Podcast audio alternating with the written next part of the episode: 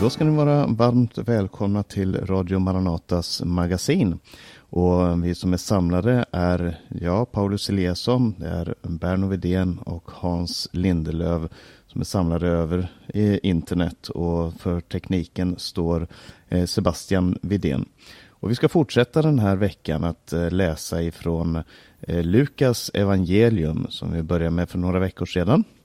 En väldigt, eh, väldigt intressant text som vi har eh, sett på hittills. Och vi ska göra som vi har gjort tidigare, att vi har valt ut eh, varsin del i Lukas kapitel 7 ehm, och vi ska säga någonting var om de här olika delarna. Och i Lukas kapitel 7 så ehm, sker det först två under där Jesus uppväcker en, en officers sjuke och döende son. Eh, senare så uppväcker han eh, sonen till en änka i Nain. Eh, sen är det samtal om, om Johannes döparen. Och eh, diskussioner fram och tillbaka där. Eh, och, och, sedan så är det Jesus på besök hos Simon farisén.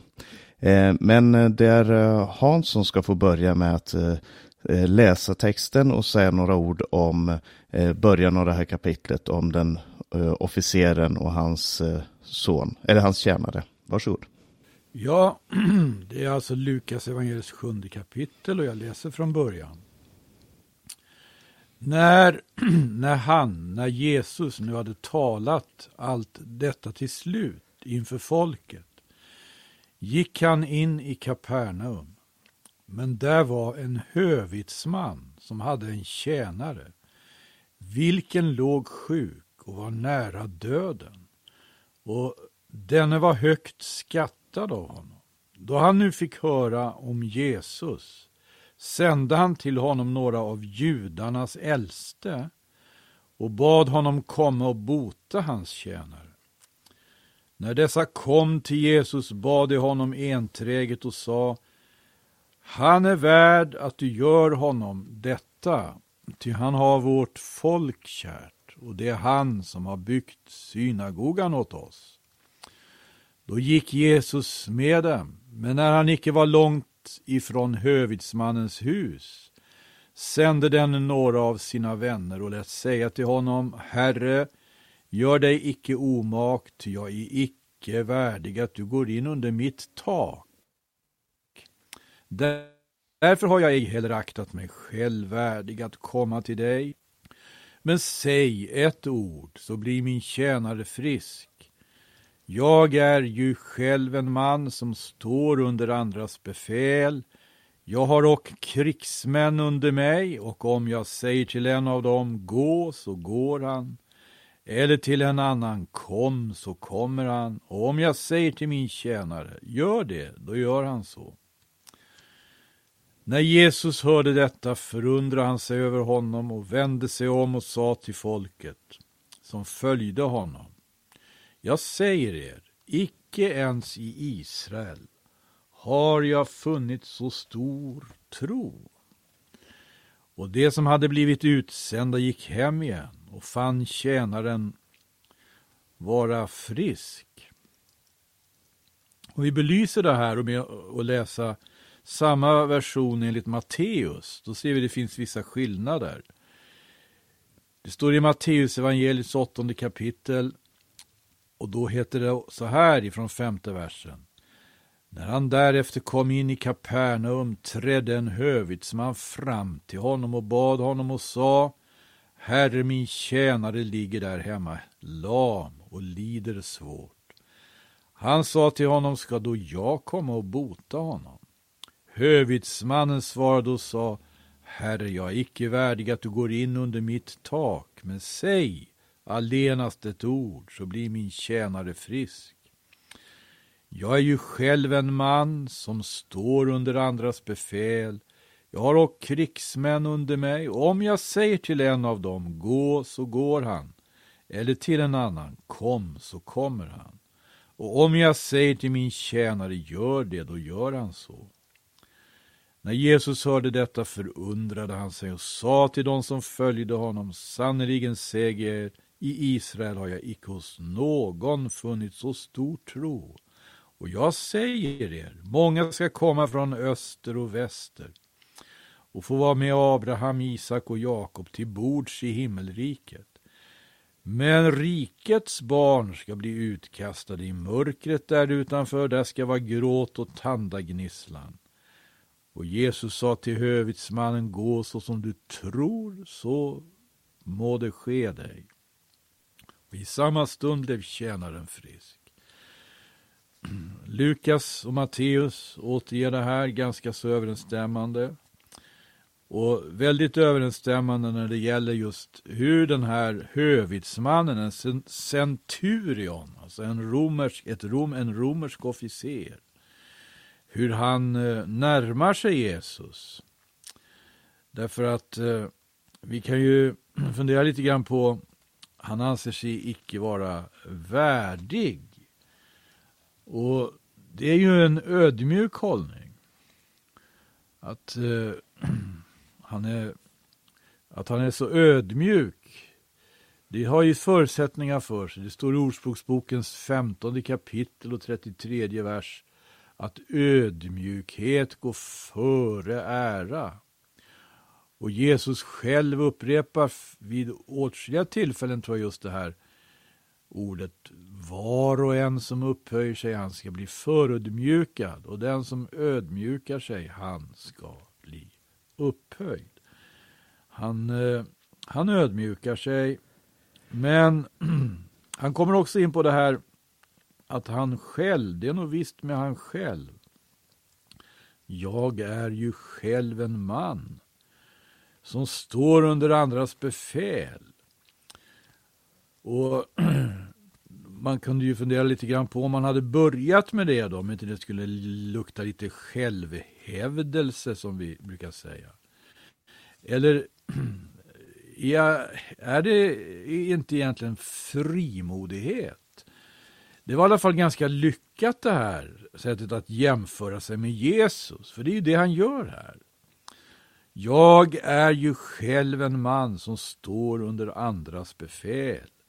Jag har dock krigsmän under mig. Om jag säger till en av dem gå, så går han, eller till en annan kom, så kommer han. Och om jag säger till min tjänare gör det, så gör han så. Han, den här jämförelsen, det var inte att skjuta fram sig själv, utan han fick fram något väsentligt om Jesus. Han mötte Jesus och hade det intrycket av Jesus att Jesus stod under andras befäl. Vilket var helt riktigt. Han säger vid något tillfälle Den som har sänt mig, det är en som, som i sanning har myndighet att sända. Han, var, han, han kom inte av sig själv, inte på eget initiativ. Han kom därför att han var sänd av Fadern. Han, hade, han stod alltså under andras befäl. Och han hade också eh, sådana som stod under honom. Han hade sina lärjungar. Men han hade också himmelska sändebud. Änglarna betjänade honom, står det. I, då han hade frestats i öknen, hade frestats av Satan. Så, så står det att han hade övervunnit djävulen, djävulens frestelser och inte fallit för någon av dem. Då så kom Guds änglar, Guds trogna änglar till undsättning och betjänade honom. Och det var nog närmast en osynlig nu budbärare han sände. Jesus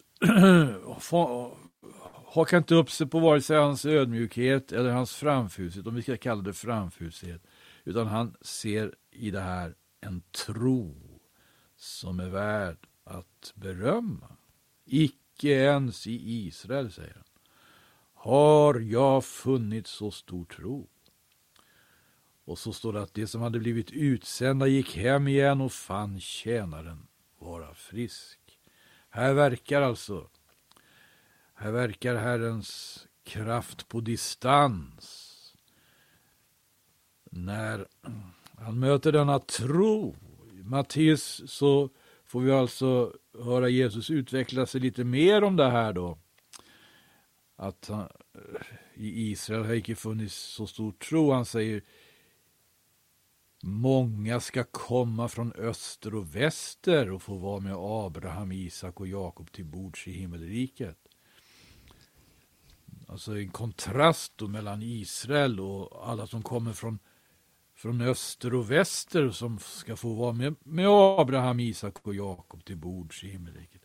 De som alltså inte är judar, av naturen inte omskurna enligt Mose lag, inte som, som inte heller firar sabbat. Det här var en romare. Han hörde till dem som dock trodde på Gud. Och det är det Jesus uppmärksammar. Det är tron. Och det heter ju så i Hebreerbrevets elfte kapitel att utan tro är det omöjligt att täckas Gud. Ty den som vill komma till Gud måste tro att han är och att han lönar dem som söker honom. Och så säger Jesus också i Matteus evangeliet 17 kapitel och vers 20. Om ni har tro, vore det nog blott så som ett senapskorn så ska ni kunna säga till detta berg, flytta dig härifrån dit bort och det ska flytta sig och intet ska då vara omöjligt för er. Den här centurion, den här hövitsmannen hade tro, pris Och det var det Jesus uppmärksammade och det var det som man kan fundera på. Många gånger så funderar vi kanske på hur vi uppträder. Uppträder vi på det ena sättet eller det andra? Är vi tillräckligt ödmjuka och förkrossade? Eller är vi tillräckligt frimodiga och framfusiga? Nej, det som var avgörande här, det var tro. Ha tro på Gud.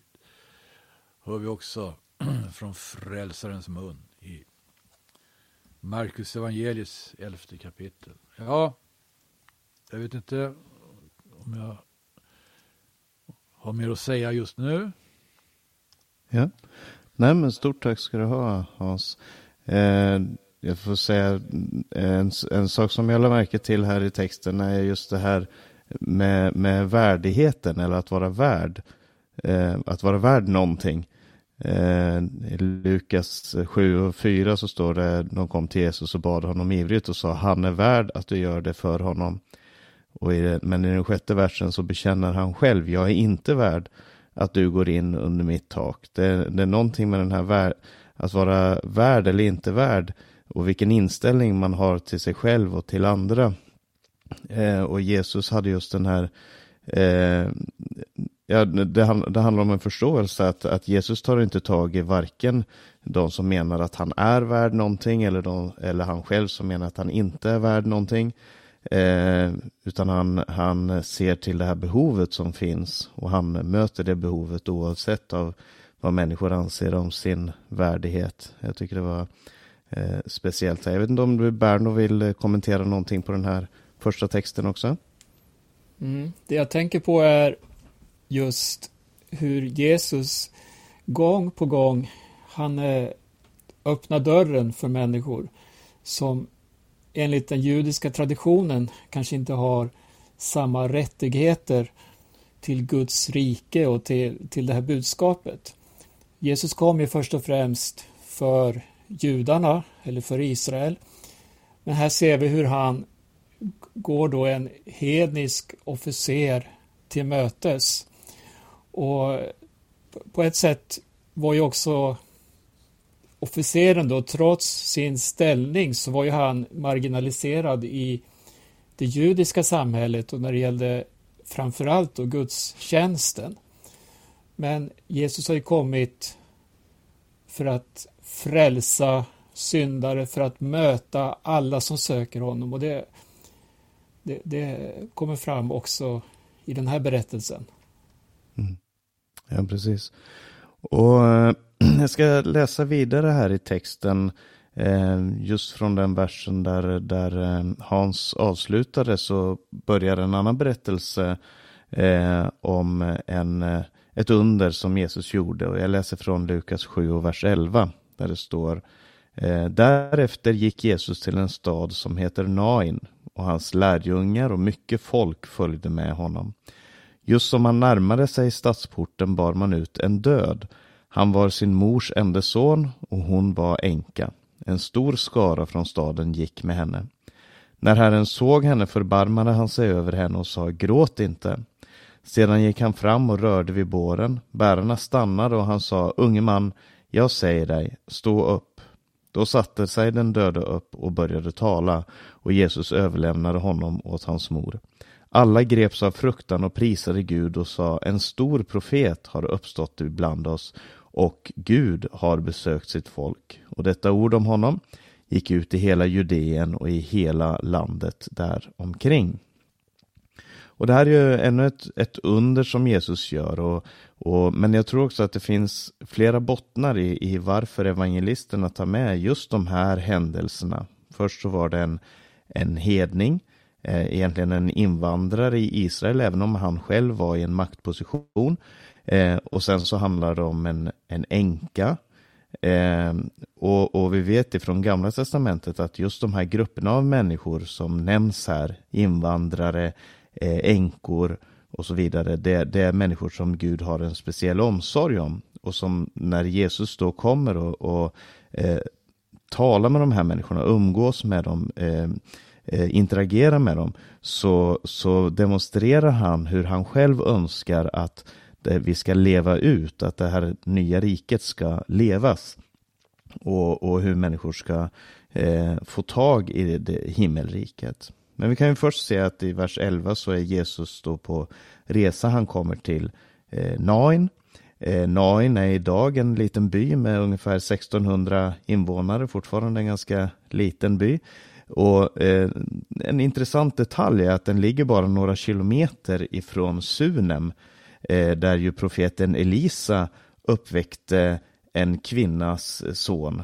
Eh, och, och, den historien tror jag har vissa paralleller till det här och anledningen att, att det nämns just Nain kan ha att göra med eh, att visa Jesu eh, profettjänst, hur Jesus är en profet. Och det, och det sägs ju också i, i den sextonde versen när de, när de såg det här som skedde så ropade de en stor profet har uppstått bland oss. Och det är ett av de sätt som evangelierna eh, presenterar Jesus på och också ett sätt som väldigt många människor på Jesu tid betraktade Jesus. Han var en profet. Eh, sen ser vi här att det, det, är ett möte mellan två olika skaror. Dels är det lärjungarna och mycket folk som följer med Jesus som är på väg mot Nain. Och när de närmar sig stadsporten så kommer det en annan mars. Det kommer en annan eh, eh, skara gående som är dödens mars. Det är, eh, det kommer, man bär ut en död och det står en stor skara från staden gick med henne. Och eh, det har jag sett här i, i Rumänien, har jag sett det många gånger att eh, när eh, man har sådana här processioner där man går med den döde från hemmet eller från ett kapell eller vad det kan vara eh, ut till gravplatsen. Och i, i, Sverige och Norge är det väl eh, vanligt att man har det också, men då kanske från kyrkan ut till graven. Men här kan det gå liksom genom hela byn. Och här gick de då ut ur byn. Och det är en, två olika grupper som, som eh, eh möter varandra. Och frågan är ju vad ska hända i det här mötet? För den här änkan, hon förlorade sin enda son. Det var det sista hoppet för att hon hade förlorat sin man. Hon hade inte längre någon man och nu hade hon sin enda son. Det var det sista hoppet som var ute. Och vad händer när Jesus möter eh, hopplösheten hos människor. Och det är just det som det här handlar om. För det första så ser vi i vers 13 att det står när Herren såg henne förbarmade han sig över henne. Och det här ordet som används för förbarmade, det är eh, grekiskans starkaste ord för, för medkänsla. För att eh, i andra översättningar, en engelsk översättning säger His heart went out to her. Alltså han, hans hjärta gick ut till henne. Det, det är ett sätt att uttrycka den här djupa, djupa känslan som fanns hos Jesus eh, för hennes skull, Eh, och, och, för hela den här hopplösa situationen med död. Vi vet att Jesus grät vid, vid eh, Lazarus grav. Inte därför att han inte visste att han skulle uppväcka honom, utan därför att döden är en så onaturlig del av vad det betyder att vara människa. Och det kan ju låta märkligt för döden är väl det säkraste vi har. Men, men i, biblisk, i biblisk tanke så är döden en motståndare. Döden är en motståndare som ska besegras och som varje människa har försökt fåfängt att kämpa emot. Men när Jesus kommer så uppenbaras en ny makt i den här världen, en makt över döden. Och Så Jesus förbarmar sig över henne och han agerar omedelbart. Det är inte ens en fråga om är hon värd eller är hon inte värd det här. Är han, den här pojken, är han värd eller är han inte värd eh, som var diskussionen eller eh, som nämndes i, i berättelsen om den här officeren som vi mötte innan. Utan det står, han, han gick direkt fram och han rörde vid båren. Och det är speciellt därför att eh, man skulle inte röra vid döda, då blev man själv oren. Och det handlar ju om en rituell orenhet eh, som betyder att man skulle då eh, hålla sig borta ifrån människor. Man kunde inte gå till templet, man kunde inte göra de här rituella eh, tingen, eh, utan man skulle hålla sig i en slags eh, isolation när, när man hade rört vid en, vid en död. Så det var inte ovanligt att man rörde vid, vid en död, men det var ovanligt att man gjorde det frivilligt. Och, och jag menar, Jesus var ju en helig man, en profet. Men det speciella som sker är ju att det är inte orenheten eller döden som, som förflyttar sig till Jesus, utan det är Jesu eget liv som förflyttar sig till den här eh, pojken. Och eh, i vers 15 så står det, då satte sig den döda upp och han började tala och Jesus överlämnade honom åt hans mor. Eh, det här är undret som sker, det är, det är kraften som går ut ifrån Jesus. Eh, I, I fallet med officeren så eh, officerens tjänare, så precis som Hans sa, så skedde det här undret eh, på distans. Eh, han var inte där, han såg inte barnet, han gjorde ingenting. Men i den här situationen så står det att han, han eh, rörde vid honom. Han rörde vid båren. Och det visar väl något av den eh, vidden och bredden i, i det här. Och att Jesus inte var ute efter att ritualisera eller att han var bunden av det ena eller det andra. Utan det han önskade var uttryckt i eh, att människor fick uppleva liv. Att människor fick uppleva helbrägdagörelse och upprättelse och glädje. Och Lukas evangelium handlar väldigt mycket om det här resan ifrån mörker till ljus. Man kan se i början, jag tror att jag nämnde det i förra programmet vi hade också, att Lukas evangelium börjar med de här herdarna som är ute mitt i natten och plötsligt är de omringade av ett ljus och de kommer med en stor glädje. Och hela berättelsen går från mörker till den stora glädjen som de får uppleva när Jesus själv är uppstånden.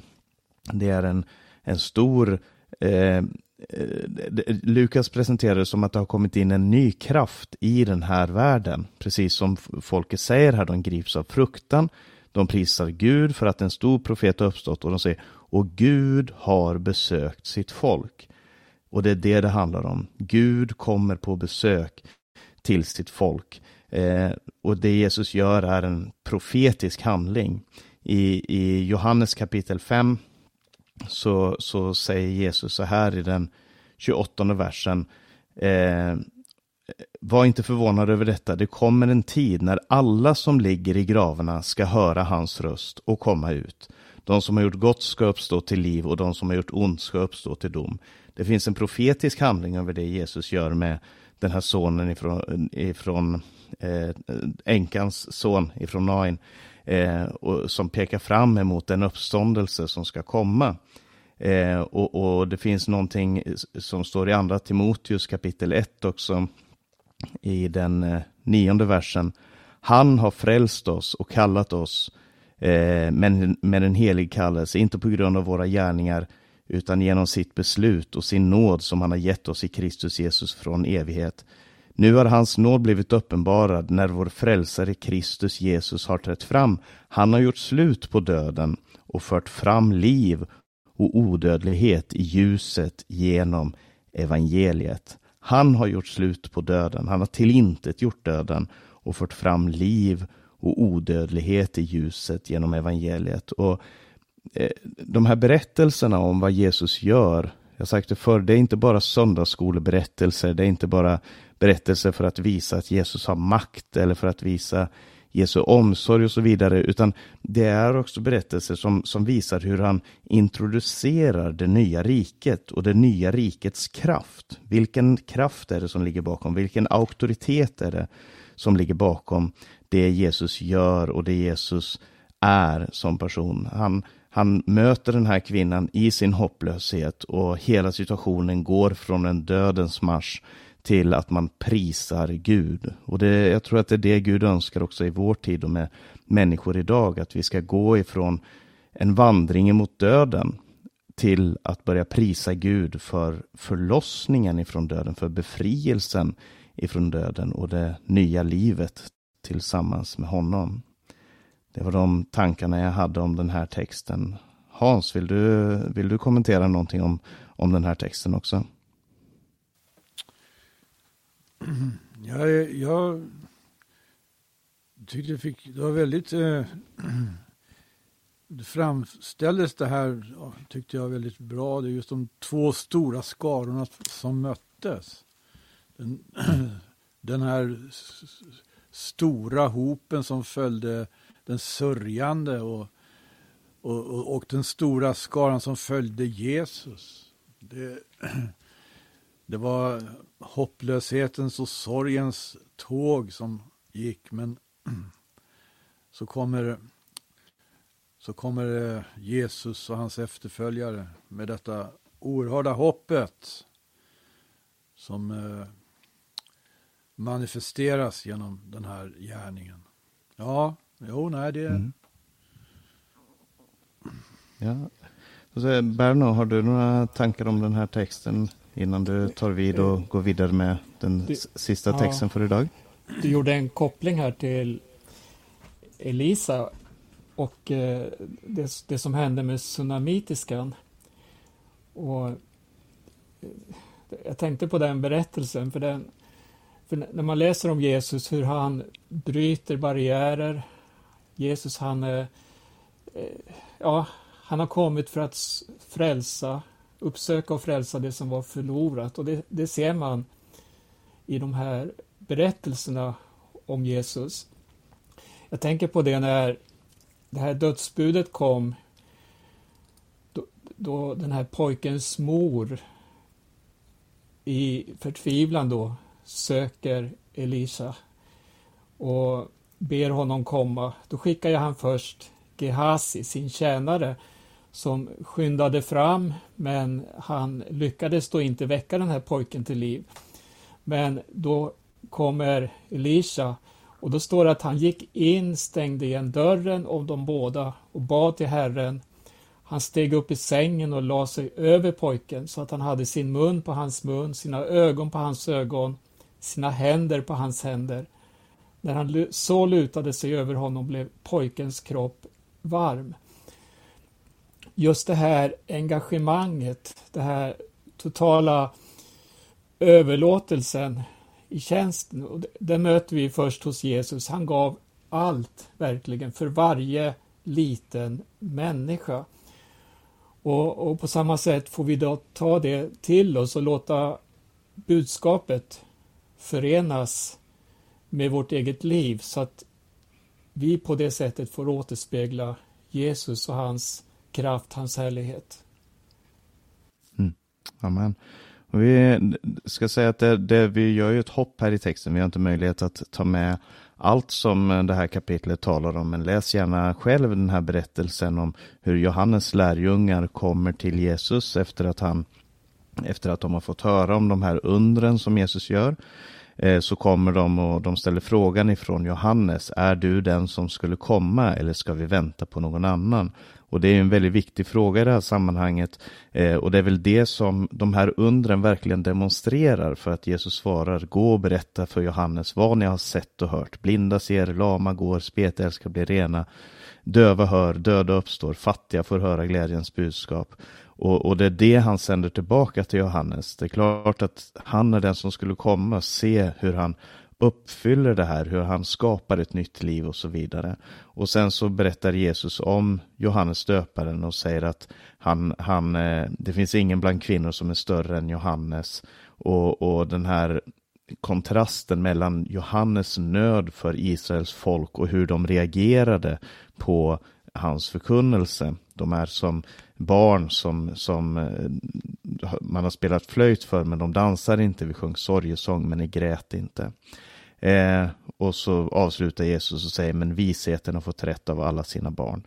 Och sen kommer den här texten som eh, du Berno ska dela med oss. Varsågoda. Det står då från vers 36. En av fariseerna bjöd hem Jesus på en måltid och han gick hem till farisén och lade sig till bords. Nu fanns i staden en kvinna som var en synderska. När hon fick veta att han låg till bords i farisens hus kom hon dit med en alabasterflaska med balsam och ställde sig bakom honom vid hans fötter och grät.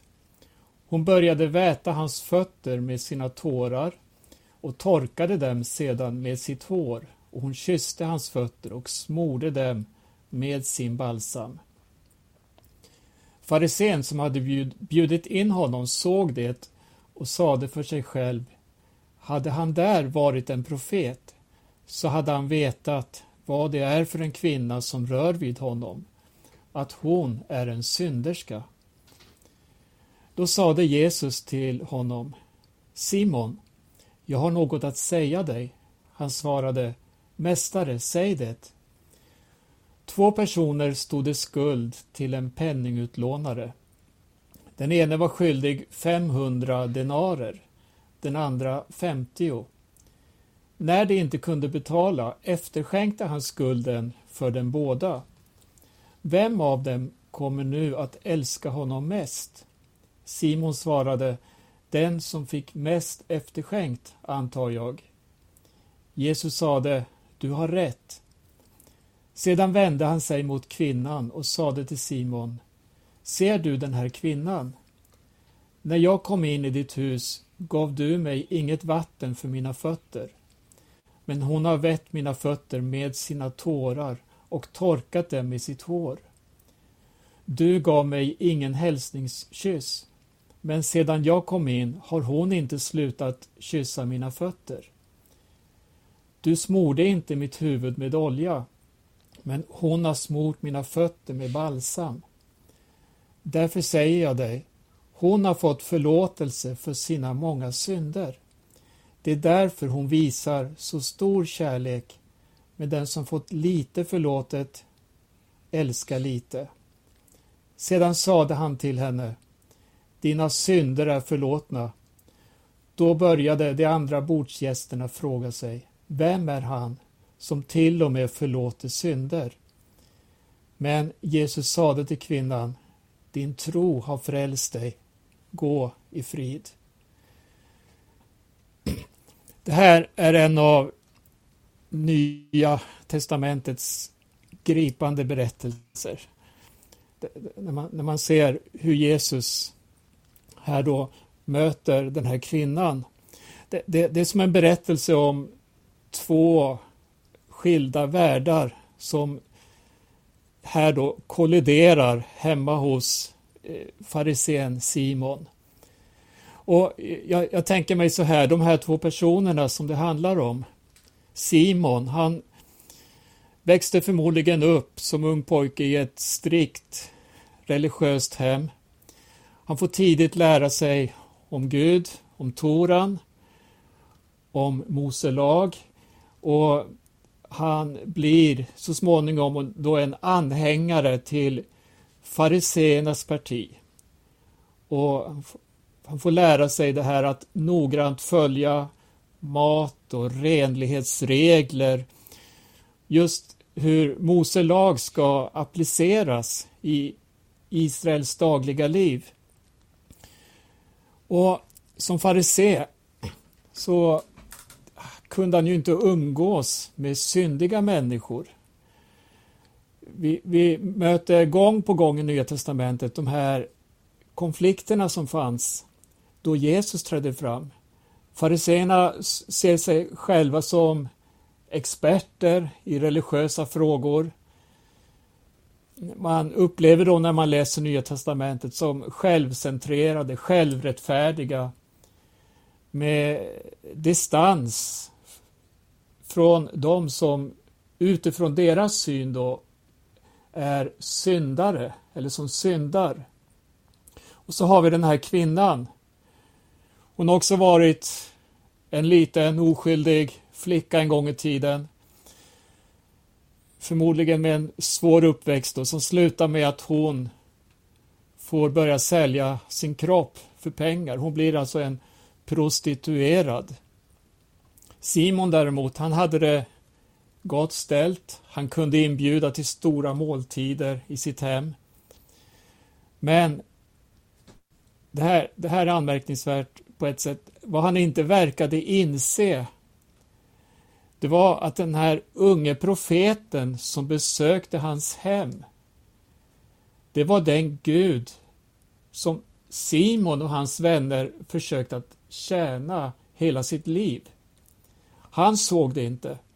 Men den här syndfulla kvinnan, hon insåg vem Jesus var. Det var ingen som hade bjudit in henne. Hon var illa ansedd.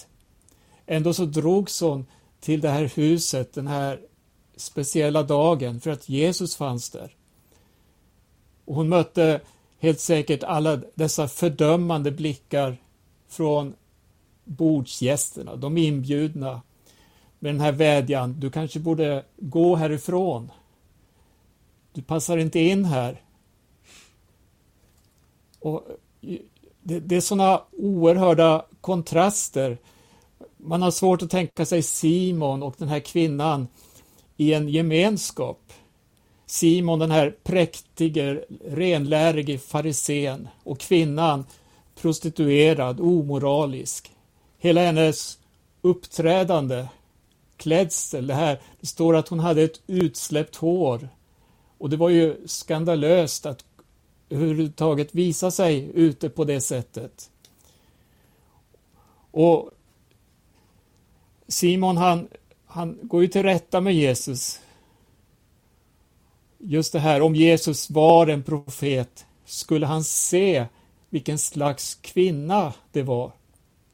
Och han skulle inte tillåta hennes skamfulla och syndiga agerande.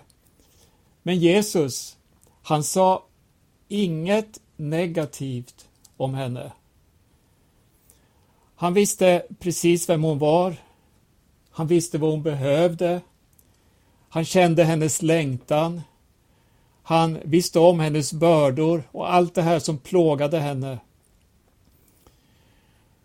Och i Jesu ögon, alltså den enda perfekta människan som någonsin levt på den här jorden, så, så älskade denna syndfulla kvinna Gud. Hon längtade efter Gud. Och farisén, han dömde Gud. Han och hans vänner, de kritiserade den Gud som de sa att de tjänade. Simon, denna kvinna älskar mig väldigt mycket för hon har fått mycket förlåtet. Kan du höra Jesus säga så? Men du älskar mig lite för du menar dig stå över behovet av förlåtelse. Mm. Paulus skriver så här till Timoteus. Någonting som gäller alla människor. Timoteus, första Timoteus 1 och 15. Det är ett ord att lita på och värt att tas emot av alla. Att Kristus Jesus kom till världen för att frälsa syndare och bland dem är jag den störste. Rakt igenom evangelierna så presenteras Jesus som syndares vän och försvarare. Vi kan läsa om hur han välkomnade tullindrivare, tjuvar, prostituerade och andra så kallade dåliga människor till sitt rike. Han bröt mot sociala koder och regler Och bara som vi kan läsa i det här kapitlet, Lukas 7 då, så kan vi se hur han hade som mål att nå de som var marginaliserade, de som längtade. Vi läste om den här eh, hö, ö, militären då, ö, hövitsmannen, den hedniska officeren som på sitt sätt var utanför Guds rike. Men Jesus räckte ut sin hand. Vi läste här om änkans, änkan och hennes son som var utslagna ekonomiskt. Jesus han gick dit och rörde vid sonen som var död. Och det har vi hört, tala, Paulus sa här hur han gjorde något som också var emot renlighetslagarna. Men han sträckte ut sin hand. Han eh, sträckte också ut sig. Jag tänker när han berättar om Johannes döparen. Han bryter mot regler. De som lever i ett religiöst utanförskap. Och så det här moraliska som vi ser hos synderskan. Men Jesus han var där. Vi har våra modeller, vi har föreställningar. Och jag kan tänka ett scenario. Vi, vi ser den här kvinnan. Men Herre, har hon bett om förlåtelse? Är det säkert att hon har gjort bättring? Men har hon omvänt sig? Vi kanske borde förhöra henne, så sätter vi upp våra mallar. Jag hörde inte att hon sa att hon var ångerfull över allt hemskt hon har gjort. Just sådana ord kan komma från den som är intagen av fariseismens ande. Men Jesus, han, vad sa han till kvinnan? Inte ett negativt ord. Han visste vad hon hade lidit. Han sa, dina synder är förlåtna. Och så sa han, gå i frid. Hon kom tyngd, men hon gick i frid och fick en helt ny utgångspunkt för att möta då sina dagliga problem, allt hon bar med, allt hon brottades med. Men nu hade Jesus gett henne, eller återgett henne det här människovärdet som bara finns genom Jesus. Du är älskad. Hon besvarade en utgivande kärlek. Jag vill läsa en bibelvers till, Hebreerbrevet 2 och 11. Just för att peka på den här försoningen som är så oerhörd. Det som skapar en ny människa. Jesus, han bryter barriärer mellan människor, mellan sociala eh, klasser och så vidare. Och i Jesus är vi ett. Det står så här i Hebreerbrevet 2 och 11. Jesus som helgar och det som helgas har alla en och samme far. Amen. Vi får stanna där. Amen. Ja, tack ska du ha eh, Berno för de orden. Och får fråga dig Hans om du har några spontana tankar om eh, den texten som Berno läste här också. Ja, alltså det, det här är ju ganska märkligt. För denne farisén Simon, han, han blir ju omnämnd även av de andra evangelisterna. Då kallas han rätt och slätt för Simon den spetälske. I Matteus evangeliets 26 kapitel och Markus evangeliets 14 kapitel kan vi läsa om samma händelse. Eh, men Lukas uppmärksammar det här att han är farisé. Och jag, jag, tror att det har att göra med att Lukas på ett lite annorlunda sätt beskriver Jesus förhållande till fariseerna. För det finns i inget annat evangelium några exempel på att Jesus blev hembjuden till fariseer. Utom då Simon den spetälske. Men här i Lukas får vi veta att han var farisé. Vid tre tillfällen i Lukas evangeliet så blir Jesus hembjuden till fariseerna. Och man skulle kunna vänta sig, det blir närmare eh, liksom mellan fariseerna och Jesus än i något annat evangelium. För andra, andra evangelierna står de liksom nästan ute på gatan eller på torgen. Och Jesus skäller ut dem.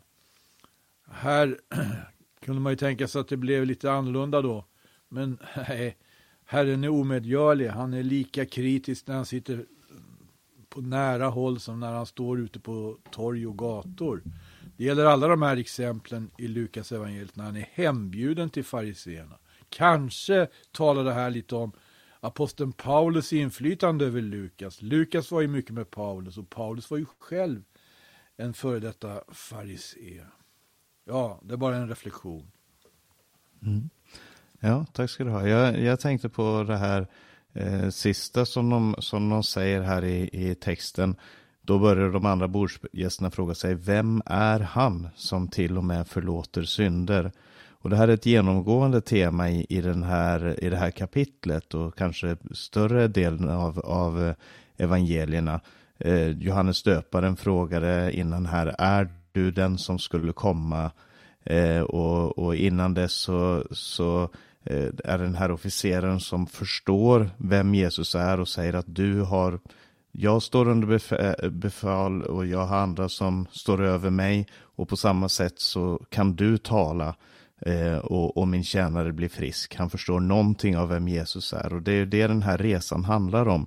Att vi önskar att, att presentera för dig som lyssnar på Radio Maranata, vem är Jesus? Så som evangelierna talar om honom och i det här fallet då Lukas evangelium. Han är en stor profet har vi fått veta här. Vi får veta att han är Gud som har besökt sitt folk. Vi får veta att han kan förlåta synder. Vi får veta att han kan väcka upp de döda, att han kan hela den som är sjuk.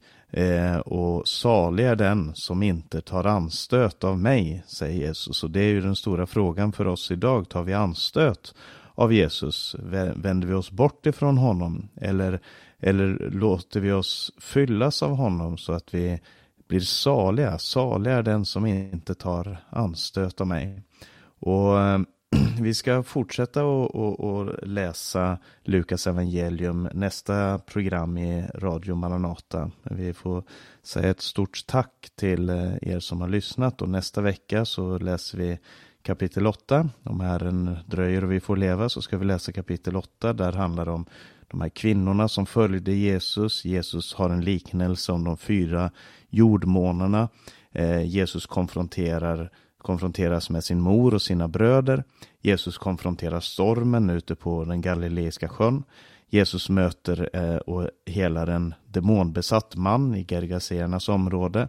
Jesus helar en kvinna med blodgång och berättelsen om då Jesus helade Jairus dotter. Och alla de här berättelserna är med på att förklara för oss, lägga ut för oss texten i, både i ord och i handling, vem Jesus verkligen är.